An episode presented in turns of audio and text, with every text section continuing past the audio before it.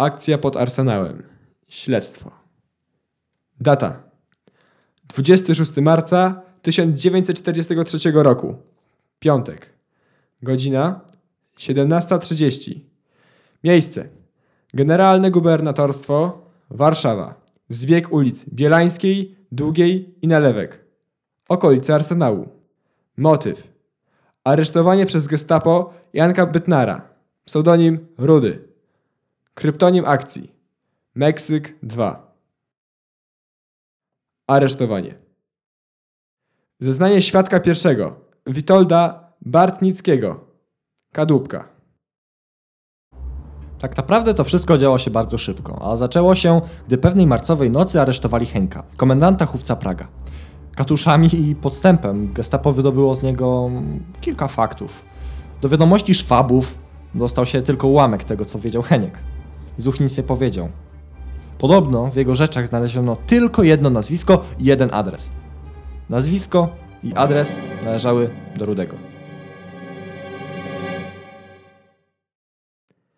Zeznanie świadka drugiego. Tadeusz Zawadzki, Zośka. Popołudnie 22 spędziłem razem z Jankiem na przygotowaniu do przeniesienia magazynu broni. Skończyliśmy tak po 18 i idąc do domów, dyskutowaliśmy na temat podjętej przez szare szeregi akcji stworzenia porozumienia konspiracyjnych organizacji młodzieżowych i kilku innych istotnych sprawach. Bo tak naprawdę nasze poglądy były bardzo do siebie zbliżone. Sama rozmowa sprawiała nam przyjemność. A, a że zbliżała się już godzina policyjna, musieliśmy się rozdzielić. Rudy był bardzo ożywiony i pogodny. Nie, ma, nie mam teraz żadnych zmartwień. Choćbym nawet chciał, nie mam. Teraz ty musisz się zacząć czymś martwić, powiedział. Wieczorem przed snem zatelefonowałem jeszcze do Rudego, by zapytać się o jakieś mało istotne rzeczy i powiedzieć dobranoc, przyjacielu. O siódmej rano zadzwoniła do mnie Danuta, siostra Janka, która cudem uniknęła aresztowania, bo nocowała poza domem. Powiedziała, że o 4.30 do domu weszli gestapowcy i zebrali jej ojca i Rudego. Zeznanie świadka trzeciego. Zygmunt Kaszyński, pseudonim Wesoły. Pracując jako akwizytor firmy Evedel, miałem możliwość częstego odwiedzania Szucha, to jest gmach gestapu. Sprzedawałem tam Niemcom czekoladki i słodycze, a przy okazji mogłem dość swobodnie poruszać się po budynku, a to z kolei umożliwiało prowadzenie obserwacji i zdobywanie informacji dla szarych szeregów i nie tylko. I tak właśnie dowiedziałem się, że Rudy razem z ojcem został aresztowany o 4.30. Gestapo, aufmachen! Schneller! Przewieziono go na pawiak, gdzie traktowano go bestialsko. Bito, przypalano, oblewano wrzącą wodą, torturowano. Po dniu przesłuchiwania tak był skatowany, że trzeba by go było wynosić na noszach. Aż mi żal serce ściska. Mogę o tym nie mówić? Dzień 23 marca, wtorek. Zeznanie świadka numer 2. Zośki. Z rozpoczęciem nie czekaliśmy i od razu wzięliśmy się do roboty, czyli już od razu od 7 rano uruchomiłem łączność alarmową. Do południa wszystkie lokale i magazyny były bezpieczne. Chłopcy palili się, zresztą ja też. Do akcji chcieliśmy, chcieliśmy odbić przyjaciela. Samo skonstruowanie planu nie rodziło większych problemów, bo zagadnienie odbicia grupy szturmowe opracowywały już od tygodni. Po tym jak aresztowano Kubę, mieliśmy już przeanalizowane trasy, obstawę, czas i tak dalej. Nie potrzebowaliśmy już czasochłonnego wywiadu. Jedyną informację, jaką musieliśmy zdobyć, to o której i czy w ogóle Rudy będzie przewożony. Od Wesołego dostawaliśmy informacje, jak wygląda cała sytuacja i o której będzie transport i czy w nim będzie Janek. Wesoły, bezcenny człowiek, mający dostęp do tak cennych informacji. Wracając na miejsce akcji, wybraliśmy róg y, Bielańskiej i Długiej z powodu dużej ruchliwości, odległości od budynków niemieckich, bliskości getta i możliwości łatwej ewakuacji. Osobiście opracowałem plan, który zaprezentowałem chłopakom w mieszkaniu u Słonia. Był, był prosty. Zakładał zatrzymanie auta, likwidację obsługi, ewakuację Rudego i pozamiatane. Podzieliliśmy się na cztery sekcje: butelki, sten 1, sten 2 i granaty. To dawało nam gwarancję, że akcja się powiedzie. Plan był elastyczny, bo miał aż poczwórne blokady. Jeśli sekcja butelki nie zatrzymałaby ciężarówki, obrzucając ją koktajlami Mo Mołotowa, to sekcja sten 1, a jeżeli oni nie daliby rady, to sten 2 i tak dalej. Teraz czekaliśmy tylko na zgodę komendy głównej AK. Spotkałem się więc z Mietkiem z Kedywu, ale powiedział, że nie ma uprawnień, że nie ma szefa, bo wyjechał gdzieś w teren, a on nie może wydać zgody na taką akcję w biały dzień, a poza tym to szczerze się z nim o to posprzeczałem. Byłem wściekły, bo nie mogłem do jasnej cholery działać. Kazał czekać. Byłem okropnie sfrustrowany. Mimo to przystąpiliśmy do roboty. Wydaliśmy broń, butelki zapalające, dwa pistolety maszynowe typu Sten, cztery granaty oraz pistolety zwykłe. Niektórzy z chłopców dostali rewolwery bębenkowe, stare policyjne nagany, po dwie sztuki, bo trudno się je ładowało. I przed 17 wszyscy czekaliśmy w punkcie, koncent- w punkcie koncentracji. Oczekiwaliśmy wtedy w napięciu dwóch wiadomości. Po pierwsze, decyzji ze strony władz wojskowych, e, po drugie, sygnału, czy Rudy jedzie w transporcie. Cała koronkowa robota wywiadu, sygnału, koncentracji przebiegała sprawnie. Teraz już tylko walka. A jednak nie. Tuż przed przejazdem Mietek powiedział, przyniósł wiadomość, że nie ma zgody. Ale jak odwołać taką akcję? Nie potrafiłem, przecież no, tam był Rudy. Ciężar tej decyzji podjął po sekundach wahania Orsza, e, rozkazując, decyduję o odwołaniu akcji.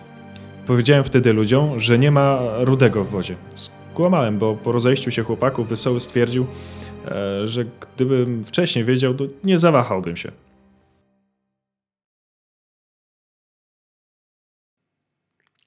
Zeznanie świadka pierwszego.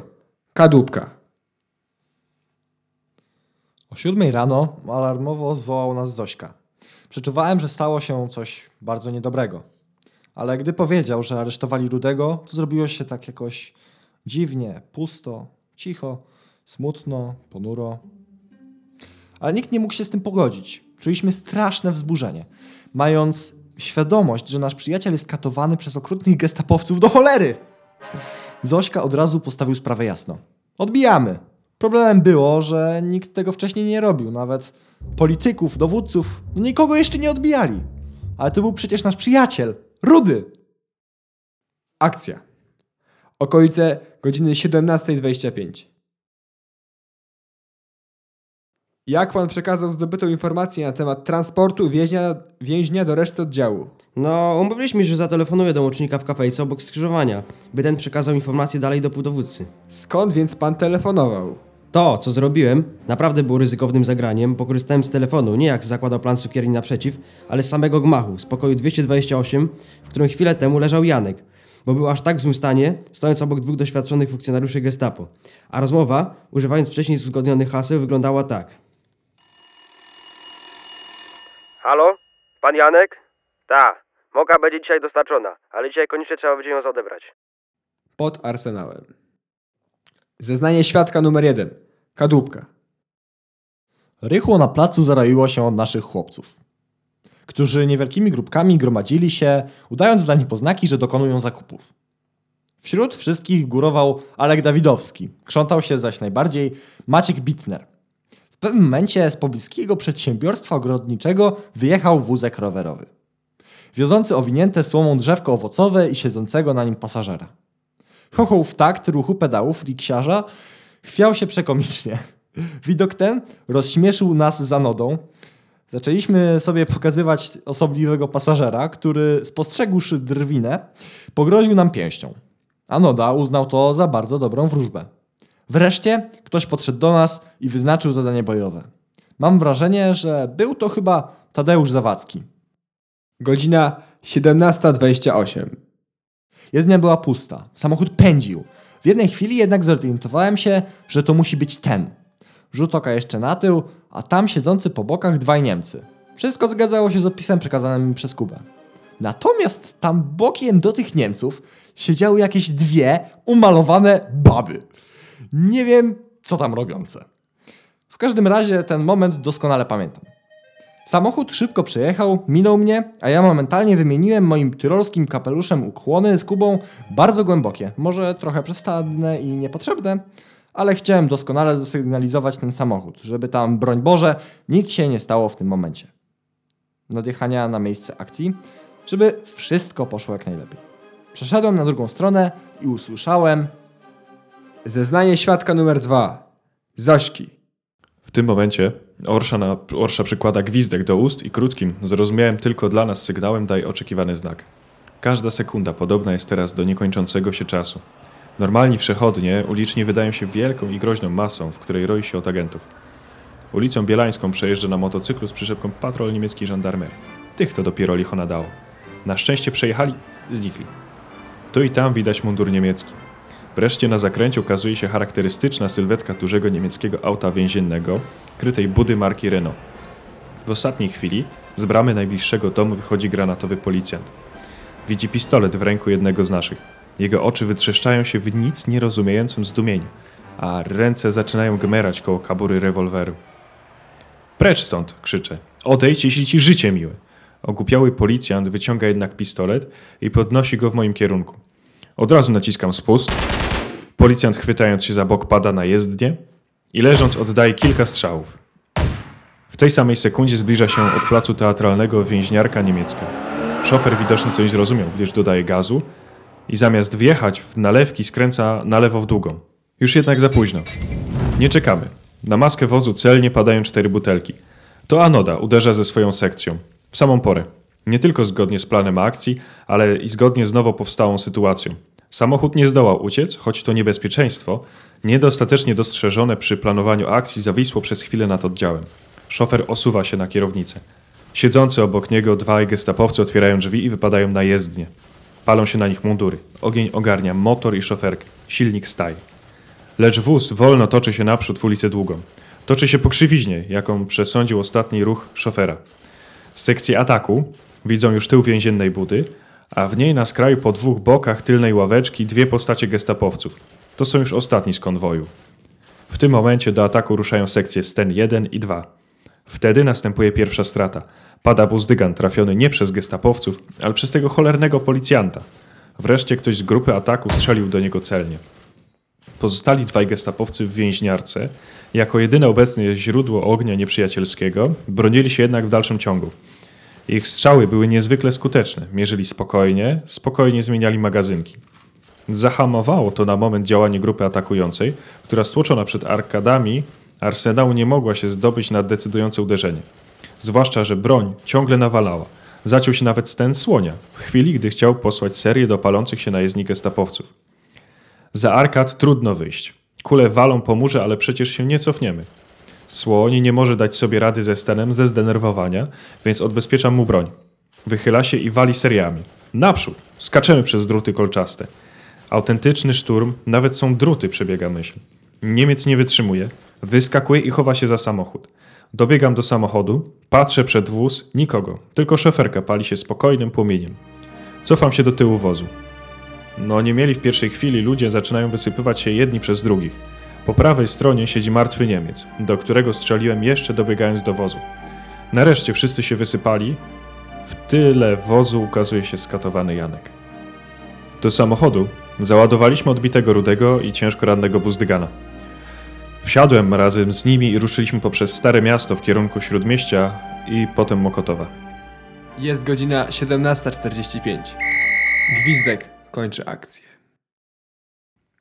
Raport podsumowujący akcję pod Arsenałem. Tak naprawdę akcja nie zakończyła się gwizdkiem. Podczas wycofywania się w brzuch został trafiony Aleks Dawidowski, pseudonim Alek. Po walce w bramie kamienicy przy ulicy Długiej przez Volksdeutscha Ernesta Sommera został zatrzymany Hubert Lęk, pseudonim Hubert. Wydany granatowej policji trafił na pawiak. Został zakatowany przez Niemców podczas śledztwa. Prawdopodobnie w siedzibie gestapo w Alei Szucha 25. Wyrokiem KDW w lipcu 1943 roku na Sommerze została wykonana kara śmierci. Mimo natychmiastowej pomocy udzielonej, udzielonej rannym w akcji Alkowi i Tadeuszowi Krzyżewiczowi, Buzdyganowi oraz nieludzko skatowanemu Rudemu, mimo nadzwyczajnych starań lekarzy zaangażowanych w ich ratowanie, wszyscy trzej zmarli. Budzygan drugiego, a Rudy i Alek 3 kwietnia. 3 maja 1943 roku komendant sił zbrojnych w kraju Stefan Rowiecki-Grot nadał pośmiertnie Aleksemu Dawidowskiemu Krzyż Orderu Virtuti Militari piątej klasy za bohaterską postawę wobec wroga i śmierć na posterunku. Alek był pierwszym harcerzem Szarych Szeregów, który otrzymał to najwyższe polskie odznaczenie wojskowe. 6 maja 1943 roku Na ulicy Polnej przy Mokotowskiej zginął z rąk Zośki i Maćka SS Oberscharführer Herbert Schulz, jeden z gestapowców przesłuchujących Rudego. Pierwotny plan porwania go, a następnie przesłuchania w Lesie Kabackim nie powiódł się. 16 dni później, na rogu ulicy Wiejskiej i Placu Trzech Krzyży, Andrzej Góral, pseudonim Tomasz, zastrzelił drugiego z Niemców torturujący, torturujących Bytnara, urzędnika kryminalnego SS Rottenführera Edwalda Langego. W odwecie za akcję pod Arsenałem 27 marca 1943 roku na dziedzińcu Pawiaka rozstrzelano 140 więźniów, Polaków i Żydów. Łączne straty po stronie niemieckiej wyniosły czterech zabitych oraz dziewięciu rannych. Śmierć poniosło dwóch polskich granatowych policjantów.